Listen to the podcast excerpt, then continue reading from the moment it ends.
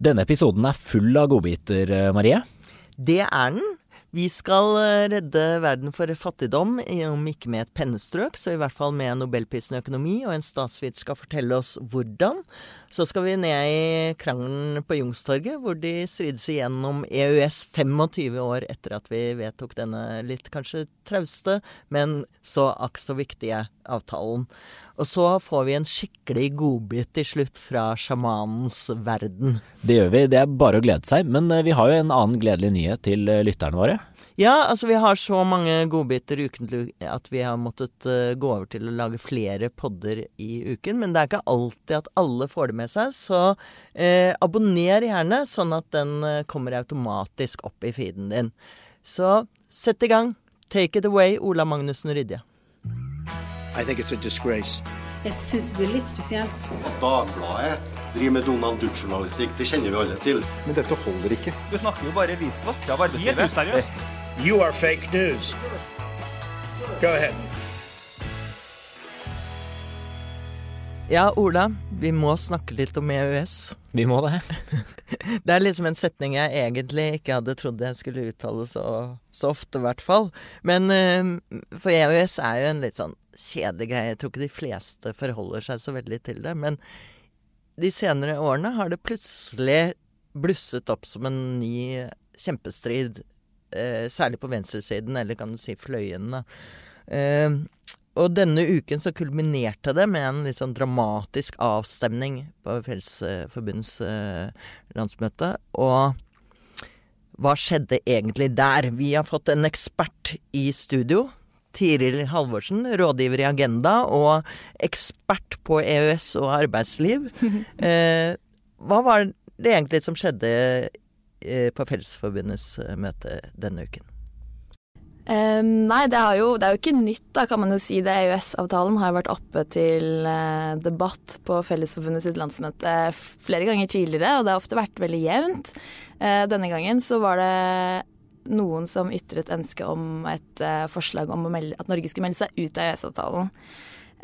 mange i Fellesforbundet er veldig for EØS-avtalen, så frem mot landsmøtet så ble man på en måte enig om et kompromiss, hvor man skulle se på alternativer Eller man ønsket å be om en offentlig utredning som skulle se på alternativer til EØS-avtalen, og eh, på en måte konsekvenser eller handlingsrommet innenfor EØS-avtalen. Så det var innstillingen før landsmøtet. Så kom det på landsmøtet direkte forslag om, et, om å ønske å melde Norge ut av EØS-avtalen. Og, det var ganske dramatisk. Det var, det var, i hvert fall litt sånn at uh, folk ble litt svetta da. De ble svette, og ingen visste hvilken vei landsmøtet skulle gå da, når man skulle stemme over disse to alternativene. Eh, det var følelsesladde innlegg på begge sider. Jonas Gahr Støre var der og fikk mye kjeft for å ikke ta problemene som EØS-avtalen eh, bringer med seg, på alvor. Eh, men de fikk ledelsen i Fellesforbundet og alle som var for den vedtatte innstillingen, fikk heldigvis flertallet med seg med 300 mot 218 stemmer, hvis jeg ikke husker helt uh, feil. Så egentlig et ganske komfortabelt flertall da for. Ja, en lignende avstemning for fire år siden fikk bare fire stemmers overvekt. Men um, så sier jo eh, kritikerne av avtalen at det vedtaket som ble faktisk som vant, da ikke ikke verken si ja eller nei til EØS. Men fordi at, ja, fordi det er jo litt sånn forskjellige tolkninger av dette. Mm. Altså, Vår politiske redaktør Geir Jamnefjell konkluderte med at dette var en uh, stor seier for Jonas Gahr Støre, og at det gikk et lettelsessøk uh, gjennom uh, over Youngstorget der. Fordi at det Fellesforbundet bestemmer, har selvfølgelig stor mm. betydning for hvor LO går også. Og, ja, man kan jo si at det var en seier i forhold til hva man kunne forvente. Det var det beste ja. man kunne håpe på i sånn situasjonen eh, var. Men ingenting men, er jo avgjort om men Trygve Slagsvold Vedum mener noe helt annet, selvfølgelig. Ja, ikke sant. Ja, og det er jo det som er vanskelig med et så langt og åpent vedtak, at det kan tolkes i alle retninger. Ja, det er jo egna til å skape problemer for eh, Arbeiderpartiet og LO nå helt frem til eh, stortingsvalget, hvis man eh, Altså EØS-avtalen har et overveldende eh, støtte i befolkningen hvis Eh, det blir nå liksom tvil om Arbeiderpartiet kommer til å bevare den eh, hvis de vinner stortingsvalget. Eh, og de, det blir en kjempekrangling mellom den delen her av fagbevegelsen og Arbeiderpartiet helt frem til valget. Så kan de jo ødelegge veldig, veldig mye for seg selv, og de blir jo, blir jo lett for høyresida å skyte blink på de der. Så det, de kan ha skapt veldig store problemer for sin egen mulighet til å få gjennomslag for politikk ved å gjøre det på den måten her, tror jeg. Men dette er jo selvfølgelig en uh, politisk side som, uh, som ma mange er opptatt av. Men så er det også en, uh, en helt konkret praktisk side. Det som er reelt, er jo at akkurat nå, eller i overskuelig fremtid, så er det ikke noe regjeringsalternativ verken på venstre eller høyre side som vil gå inn for en utmelding av EØS. Men det er altså så sterke krefter at man, man lurer på hvor LO går. Og det skjer i selveste jubileumsåret for EØS. 25 år fyller det i år. Og Tiril, det jeg får inntrykk av Jeg skjønner jo godt av og til at venstresiden og EØS-motstanderne får litt lett spill, fordi at når man snakker om EØS, så er det liksom alle som er for. De tar den nærmest bare for gitt. De sier bare 'Å, dette er kjempeviktig for Norge'. Og det må alle skjønne, liksom. Vi orker ikke fortelle dere hvor viktig det er, men sånn er det. Og så ser man på den andre side masse negative konsekvenser av, av uh, ikke minst uh, arbeidsinnvandring. Mm. Ja, det er jo og vært litt, eh, ja, det har vært litt sånn lenge at de som er for EU og EØS, da, syns at alt er bra, og de som er mot, syns at alt er dårlig. Så man kunne ønske seg at eh, mer prat om EU og EØS nå vil føre til en mer sånn debatt om innholdet, kan man kanskje si, da, enn eh, at det skal bare være et premiss eh, eller en debatt på liksom, banehalvdelen til Nei til EU eller Europabevegelsen. Um, men eh, det er jo klart at dette er jo et varsko til Arbeiderpartiet om å slutte å si at alt er bra med EØS-avtalen, men å faktisk ta da de konsekvensene i arbeidslivet på alvor, og faktisk eh, komme med kraftfull politikk. Da. En stor rengjøring kalte Jonas Gahr Støre det for arbeidslivet. At det er liksom pri én frem mot 2021. Eh, så man kan jo håpe da at de, at de, finner på noe bra, og at fagbevegelsen også ser det. Eh, det var jo, var jo preg av litt mistillit syns jeg, da, på, på, landsmøtet, men at man kan kanskje klare å bygge denne broen da gjennom å ta disse alvorlige konsekvensene på alvor frem mot 2021. Og, og da selvfølgelig også en politisk side, at uh, Arbeiderpartiet ligger svakt, og at man står foran om to år uh, for et uh, skjebnevalg, vil mange på venstresiden si. Mm. Og at man derfor kanskje nølte litt med å gi den kjelevinken til Jonas Gahr Støre, Arbeiderpartiet også. Jeg syns ikke det var så mye nøling, jeg, egentlig. okay. Det var ganske rett venstre, for å si det sånn. Ja, Jørn Eggum ble jo spurt uh, rett etter vedtaket om, uh, av uh, vår, egen, vår, egen, Mats Rønning om noen hadde gått for langt. og da var han veldig klar på at ja, noen, noen gikk for langt mm. på talerstolen i sin kritikk, da. At det var og lenger enn man kanskje burde gått, og det, var, det gikk hardt for seg. Ja. ja. Nei, det er liksom to sider ved dette her. Det er jo både at mobilisere for å støtte Arbeiderpartiet, for så vidt, men også at man benytter sjansen når han ligger nede. Ja, men, men man, ja, man, kan jo forstå det også, fordi Fellesforbundet organiserer jo de folka som jobber der hvor de negative konsekvensene treffer hardest. ikke sant? I byggebransjen, i eksportrettet industri, som både har både de største fordelene og de største ulempene. Um, så eh, det er, ikke, det er, jo ikke, rart at de sier fra. Og i tillegg så har vi jo hatt seks år med en blå-blå regjering som kanskje ikke akkurat heller har hatt deres interesser eh, høyest oppe på prioriteringslista. Sånn at det har bygget seg opp noe. Og her er liksom, ikke sant, det store eh, Støre, store, store Støre, eh, eh, snakket om, var dette handlingsrommet. Det er blitt en sånn slags skje, men nå var han litt mer konkret. Og han mener jo da at eh, den blå-blå regjeringen ikke benytter seg av dette handlingsrommet som faktisk uh, er der. Og at han erkjente eh, lang større grad kanskje enn tidligere hvor eh, problematisk det var på enkelte eh, arbeid, eh, områder. Men at konkurransen vil fortsette, men at man har større handlingsrom til å begrense visse skadelige utslag av det. Mm. Og hva er, de, hva er dette handlingsrommet? Du, er du enig i det? At, ja, jeg er helt enig i det. Man kan jo si at at, eller om man mener om høyresiden ikke bruker handlingsrommet, eller bruker høyresiden av handlingsrommet, kan man jo diskutere, da. Men, men det er jo litt sånn rart begrep, det handlingsrommet, fordi eh, på den ene siden så kan jo ikke handlingsrommet være alt man driver med på Stortinget, og på den andre siden så kan det ikke være bare den reservasjonsretten heller, da, som veldig mange tenker på at man skal si nei til direktiver. Det er et eller annet i, i midten der, da, og eh, f.eks. Bemanningsbyråer har jo vært et, eh, et stort stridstema i fagbevegelsen lenge, og skaper mange problemer i f.eks. Byg, byggebransjen. Eh, og der, der man jo, kan man jo se at man kanskje har brukt eh, Fordi vikarbyrådirektivet åpnet jo opp for det var jo ikke lov eh, før vikarbyrådirektivet kom med innleie fra bemanningsbyråer. Så ble det lovlig, og så har man sett konsekvensen av det. Og så kan man jo si at det å stramme inn på når det er lov, og hvor mye det er lov, er å bruke handlingsrommet. Fordi EØS-avtalen sier at man skal tillate det, og de skal likebehandles. Men så kan man stramme inn eh, på hvor, hvor, strenge kravene skal være til at man skal kunne ta, ta det i bruk, da. Um, som er ett et konkret eksempel, da, men handlingsrommet tenker jeg er på en måte eh, Man kan tolke, man kan implementere lovene fra EU på ulike måter. ikke sant? Det er jo ikke, Norge og Belgia er jo ikke like, ikke sant? så hvis det kommer noen lover om likestilling på arbeidsplassen eller noe sånt, så kan man implementere det på ulike måter. Det kan bety ulike ting, og man kan være ganske tøff og freidig, tenker jeg, da, og smart i måten å så vi kan være mye tøffere fordi at det det ofte blir sagt, er jo at uh, ja, for så vidt venstresiden eh, og Nei til EUs uh, folk sier at, at, vi ikke har noe handlingsrom, ikke sant. At vi bare er lakeier for EU og må ja, ja. gjøre jo... alt de gjør. Men samtidig mm. så sier jo EØS-tilhengerne også ja, vi har et handlingsrom, men vi bør ikke utfordre det for mye.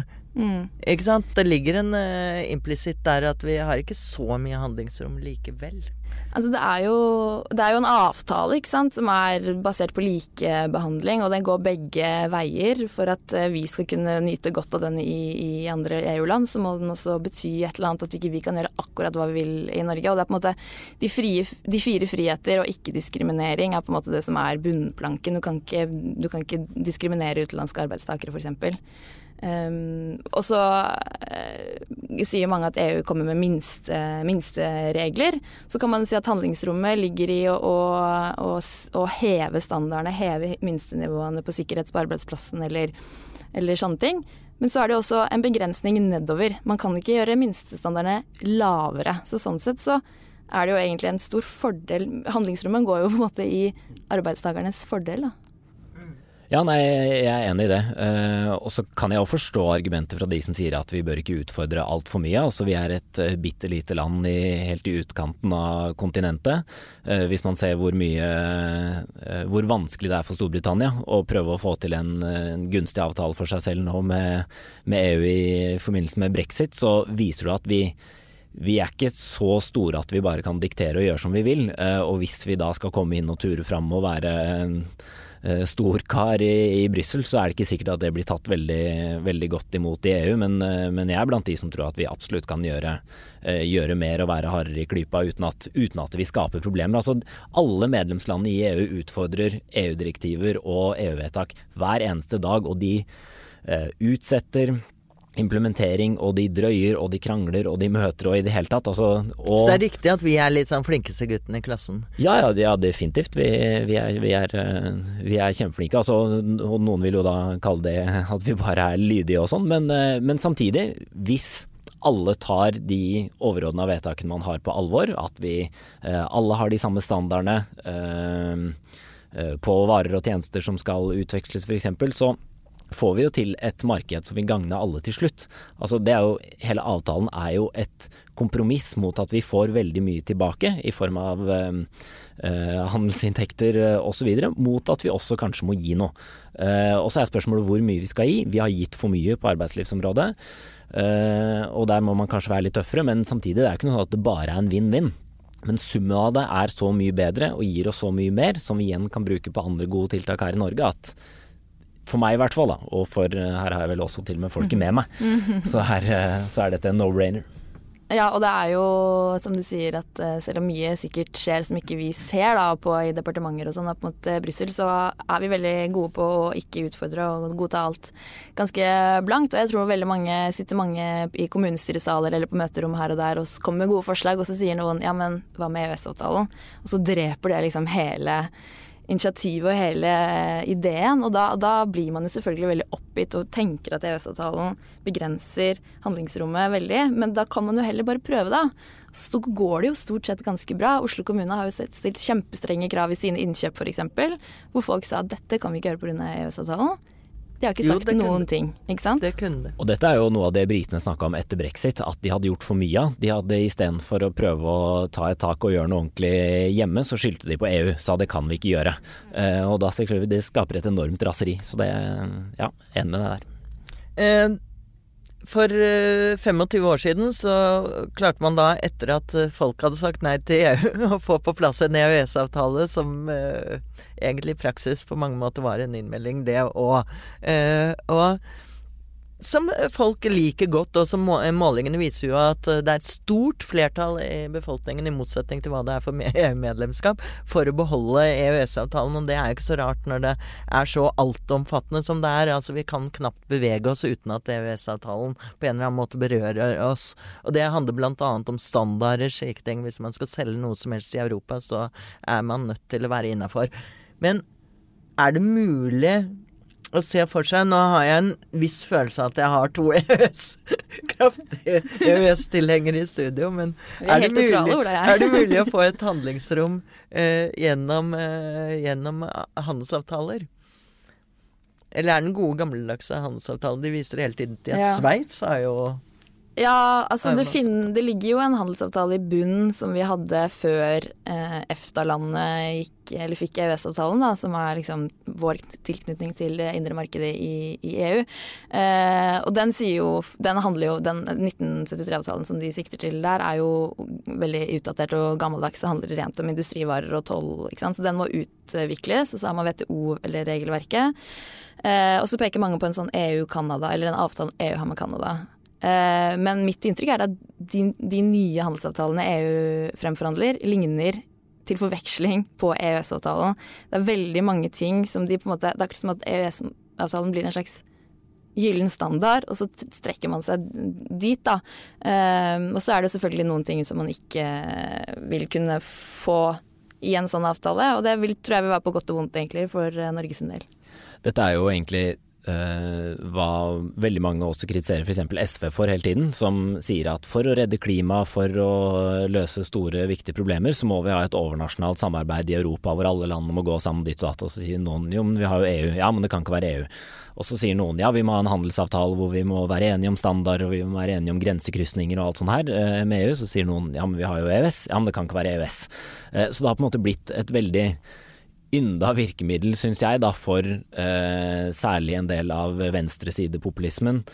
Eh, for å kunne eh, kritisere ting man ikke liker i Norge. Og, altså, det er et veldig eh, beleilig narrativ om at eh, det er noen andre enn oss selv og andre enn oss som har, eh, som har skylda. Mm. Men uh, da kan man jo Nå har det jo kommet et vedtaket på en utredning av alternativer, og jeg ser at både Europabevegelsen og Civita ønsker en sånn utredning velkommen. Kanskje overraskende for noen, men de håper nok på at uh, både EU og EØS-avtalen skal fremstå ganske uh, attraktivt da, i en sånn utredning. Men, men da får vi, jo, får vi, jo, se da, om det i det hele tatt er mulig å få en realistisk utredning, men også ja, hva alternativene faktisk er, da. Mm. Eh, det er mange som eh, frykter eh, at, at dette EØS-spørsmålet, slik EU-spørsmålet tidligere, kan ødelegge for venstresiden, altså splitte venstresiden. Og, og, kan føre til, som mange også tror, at til og med at Erna Solberg får en tredje periode. Er, det, er denne avstemningen i Fellesforbundet så, i så måte godt nytt for dem? Uh, nei, jeg syns den eh, hadde de, hadde de, gått for en utmelding, så tror jeg det narrativet kunne fått mer, eh, mer støtte. Men uh, nå vil jeg si, si tja. Uh, og det spørs Det virker jo som Arbeiderpartiet her har fått en seier, da, og at den delen av fagbevegelsen som er pro EØS, fordi de trenger å selge varene sine, de arbeidsplassene, de virker som de har fått, fått en liten oppsving. Så jeg, jeg tror ikke det akkurat nå. Men Tiril, jeg må nesten innom til slutt. Det kom en uh, nyhet i dag om at Fellesforbundet har takket for alle disse gode analysene du og Trygve Svendsen og flere har kommet med, ved å si at uh, Fellesforbundet bør kutte millionstøtten til Tankesmien. Uh, de eh, beskriver dere i eh, veldig vennligsinnt ordlag også, som eh, over eh, overbetalte eh, mennesker som er uten kontakt med fagbevegelsen i det hele tatt. Et politisk det det. blindspor. Ja. Et politisk blindspor. Hvordan føles det? Nei, altså det er- må jo de få lov til å mene, selvfølgelig. Eh, men jeg syns jo at eh, det er litt eh, Litt eh, rart og trist, for jeg føler at jeg går på jobb hver dag eh, for å jobbe for arbeidsfolks rettigheter og mindre ulikhet i Norge, mye ofte sammen med fagbevegelsen. Eh, og så tror jeg deler av det vedtaket og deler av det på en måte sinnet mot oss handler litt om det begrepet sentrum-venstre. KrF og Venstre er ikke populære partier i, i fagbevegelsen og Felles- Fellesforbundet. Um, så det er kanskje en del av det, og det er jo et mandat vi har fått av LO. Og LO sitter jo i styret deres, så enn så lenge, da. Får vi se hva som skjer.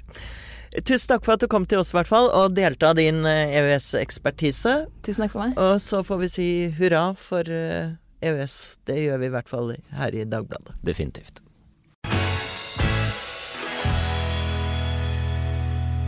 Jeg husker da Kristin Halvorsen og de rød-grønne begeistret sa at de skulle fjerne fattigdommen med et pennestrøk da de tiltrådte. Så yr og glad var Kristin Halvorsen, påtroppende finansministeren, og det har hun siden måttet leve med og fått tyn og harselas for.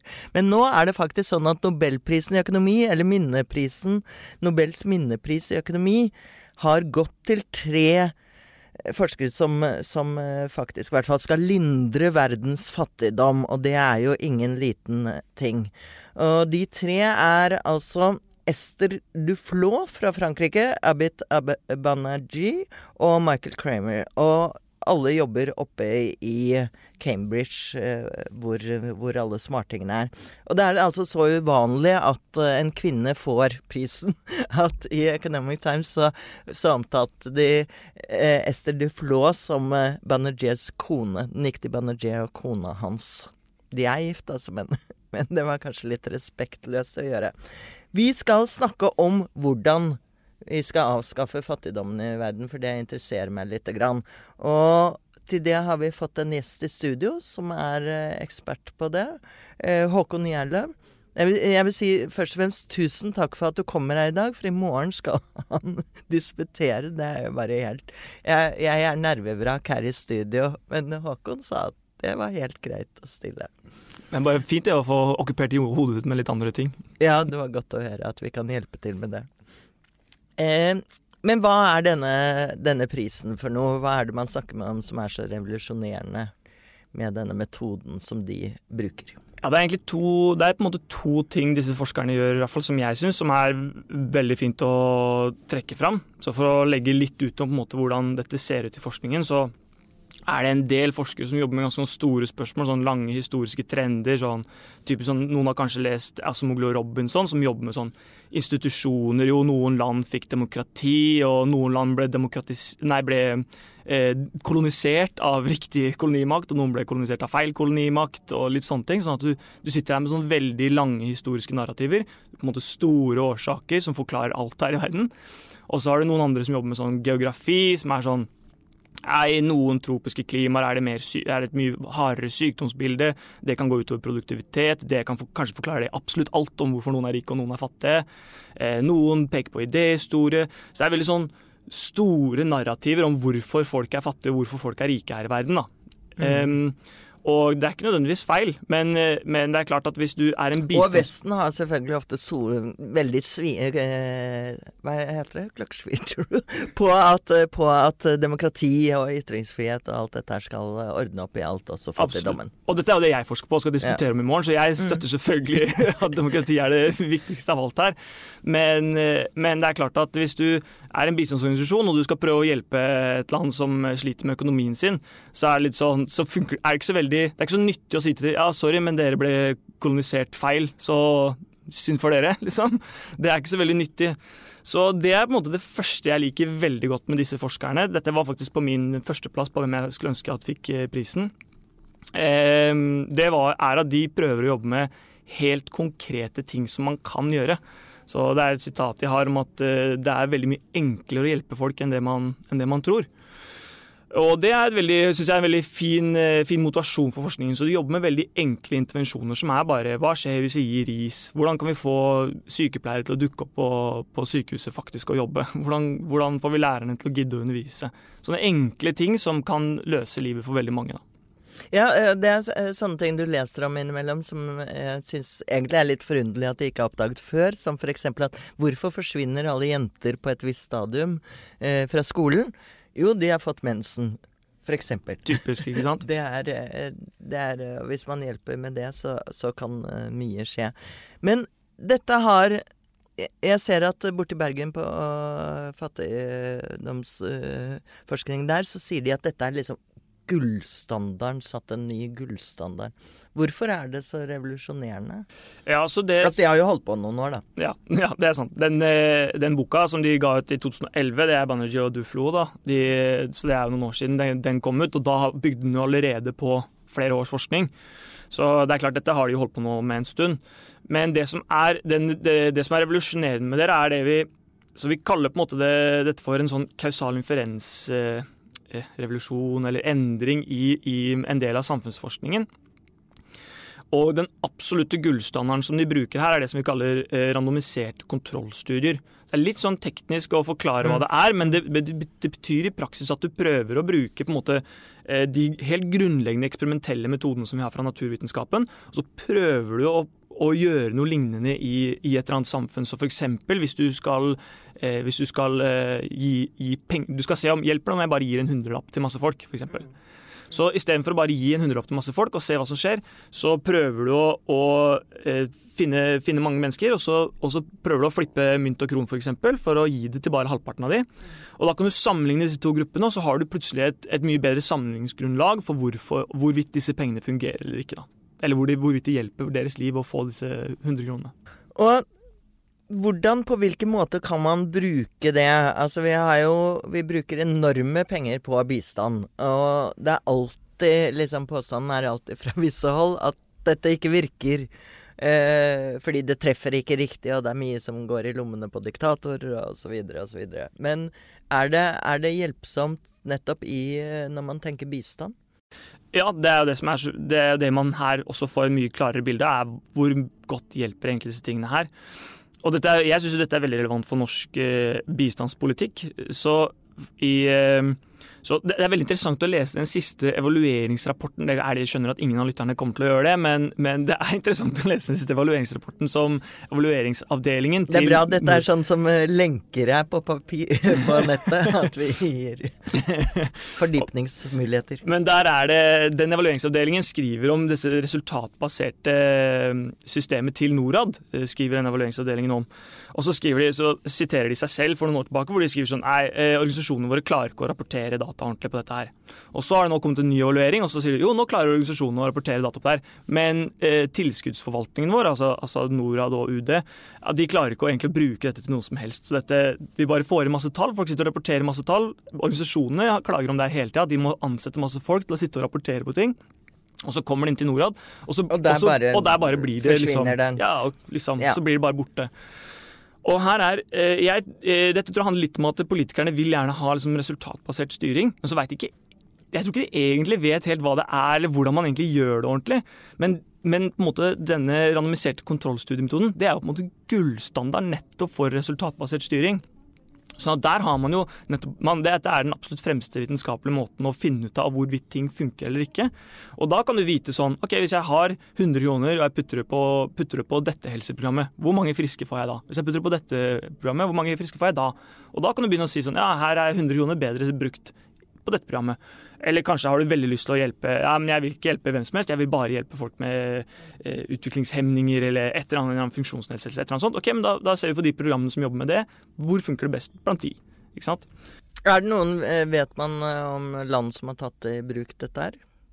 Eh, jeg vet ikke om det er noen land som har systematisert det ordentlig i bistandsforvaltningen sin. Og dette er jo ofte så er dette litt, et ansvar som ligger litt på organisasjonene. Ja. Men, men, det man kan si er at Norad og UD kan bruke sin makt. Eh, de, de kan jo si noe om hva de organisasjonene skal rapportere på.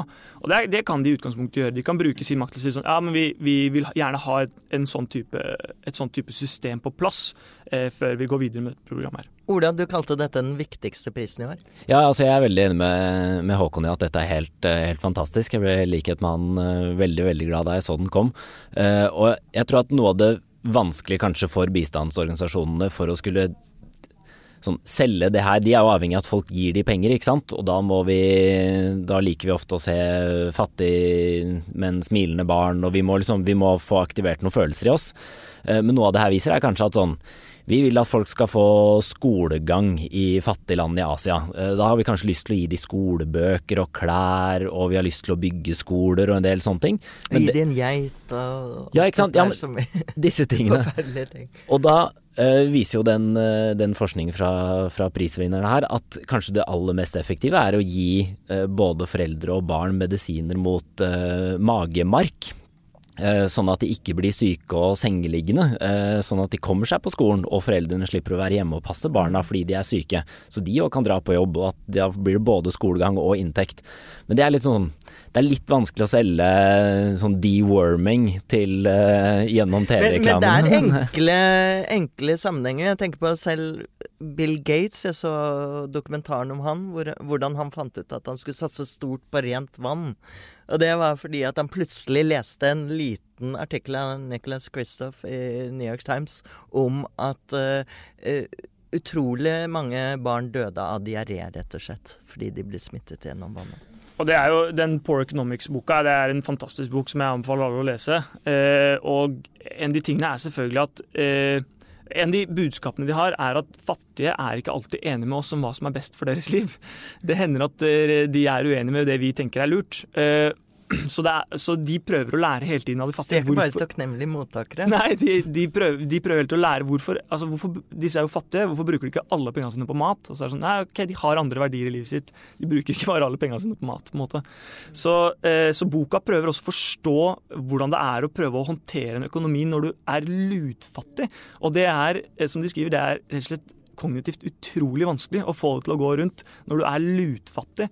Så det å prøve å forstå de hensynene de må ta i hverdagen sin, det er de veldig opptatt av. Det er, det, det er veldig flott med å lese den boka. Og eh, du, du, sa jo også til meg, Håkon, at noe, noe av det du syntes var veldig fint med det, var at de, de er så nøkterne. Uh, altså de er veldig lavmælte og nøkterne i konklusjonene sine. De sier på ingen måte at dette kommer til å løse alle verdensproblemer, eller at alle kommer ut av fattigdom. Og... løse fattigdom med et pennestrek. Ikke, nei, nei, fordi det går ikke, ikke sant. Men, uh, men uh, hvis alternativet er liksom enten må du kjøpe en, en stor idé og satse alt på det, eller så kan du også prøve å få veldig mange små forbedringer som i sum faktisk gir veldig mye bedre liv da, til alle de folka her, så er jo det siste å foretrekke. Mm. Um, ja, så de, had, de, skriver en liten seanse om det her i boka, om liksom når de går inn med mikrofinans. Da, det er jo en av de tingene de har studert, sånn, hvor man gir eh, sånne lån til de fattigste. For det er veldig vanskelig for fattige å få lån i, mm. med standardmetode. Som var veldig populært. Som var veldig populært, ikke sant? Det, man fikk jo en, Der også kom det jo en Yunus pris. fikk jo fredsprisen. Ikke sant, Der fikk man en pris, også, og, og, dette nå, her, her, var løsningen, liksom. Og så studerer de, og så sånn, sier de liksom ja, dette funker. Det, er sånn, det funker litt, liksom. Det funker ganske bra. Sånn, og, så, og da er det sånn herre så, blir, så opplever de det som en sånn kjeftestorm hvor det er sånn herre Nei, nei, dette er mirakelkuren! Dette er mirakelkuren!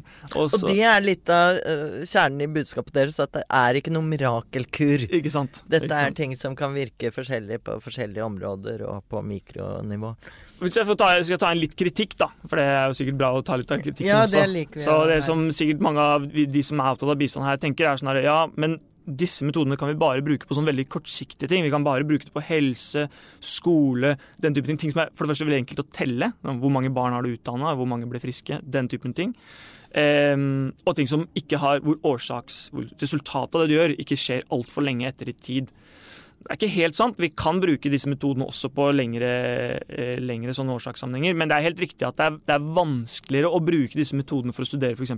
rollen til demokrati, eller hva har det f.eks. når vi prøver å bygge partier, eller sånn partiorganisasjoner Vi kan jo si at demokrati er et gode for innbyggerne i et land. Ikke sant? Men det er vanskelig å vite, så det er vanskelig å vite hvordan er det man mest effektivt jobber med å eh, styrke et demokrati. Eh, det er ikke nødvendigvis kjempeenkelt å studere med disse metodene, men det er ikke umulig, og de gjør noe av det også. Men dette er en pris som da eh, som handler om økonomi, men, den men er jo Den er jo blant annet arvingene til Nobels, Nobel er litt kritisk til den og ville egentlig ikke ha den inn i der. Men dette er en pris som på mange måter er i Nobels ånd, da. Eh, vil si, den handler ikke om eh, bare vanlig økonomi, det vi leser om i Dagens Næringsliv og Finansavisen. Dette handler om ting som forandrer verden og gjør menneskers liv bedre. Og som vi nevnte, Junus fikk faktisk eh, fredsprisen for en pris som kanskje kunne også vært en økonomipris. Helene. Altså, Jeg må jo bare innrømme at eh, jeg syns også denne prisen her er eh, et erkesymbol på økonomenes pretensiøse holdning til livet. Det eneste som er mer pretensiøst, er å kalle statistikk for økonometri. men men, men siden jeg var så fornøyd med vinnerne denne gangen, så skal jeg ikke ta opp den kritikken. Og det var jo en klimavinner i fjor, vel? Eh, eh, I samme prisen. Og så er det jo lov da å håpe på at eh, neste års pris går til en ulikhetsforsker, som er kanskje det siste uadresserte store problemet da fra den eh, Ikke sant. Vi, vi i podden er i hvert fall veldig, veldig glad i å snakke om økonomi. I, I hvert fall den økonomien som hjelper oss å gjøre oss til bedre mennesker. Men eh, tusen takk for at du kom hit, Håkon, og veldig lykke til i morgen. Når dere hører dette her, så er han allerede i gang. Kanskje er han ferdig. Tusen takk for invitasjonen. Etter 34 år i Dagbladet takker han av legenden Tom Statsberg. Mannen som ser poesi i alt, som tar alt på kornet, bakrommets venstrebekk, fluefiskernes herre.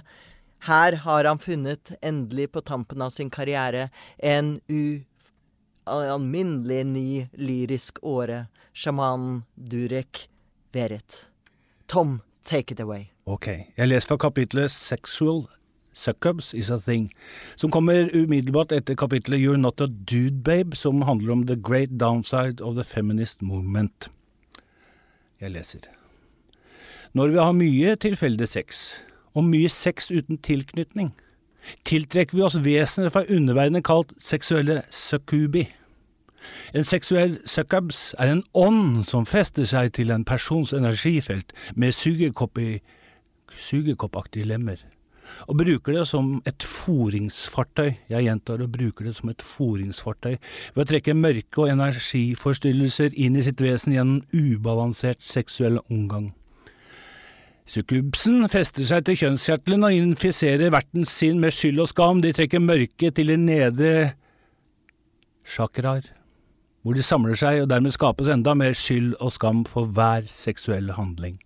Disse følelsene, som er mørkets redskaper, gir underbevisstheten signal om at den skal manifeste- manifestere sykdom, fordi vi føler at vi burde bli straffet. Bli straffet. Bli straffet. Takk. Og jeg kan bare føye til. Takk for alt, Tom.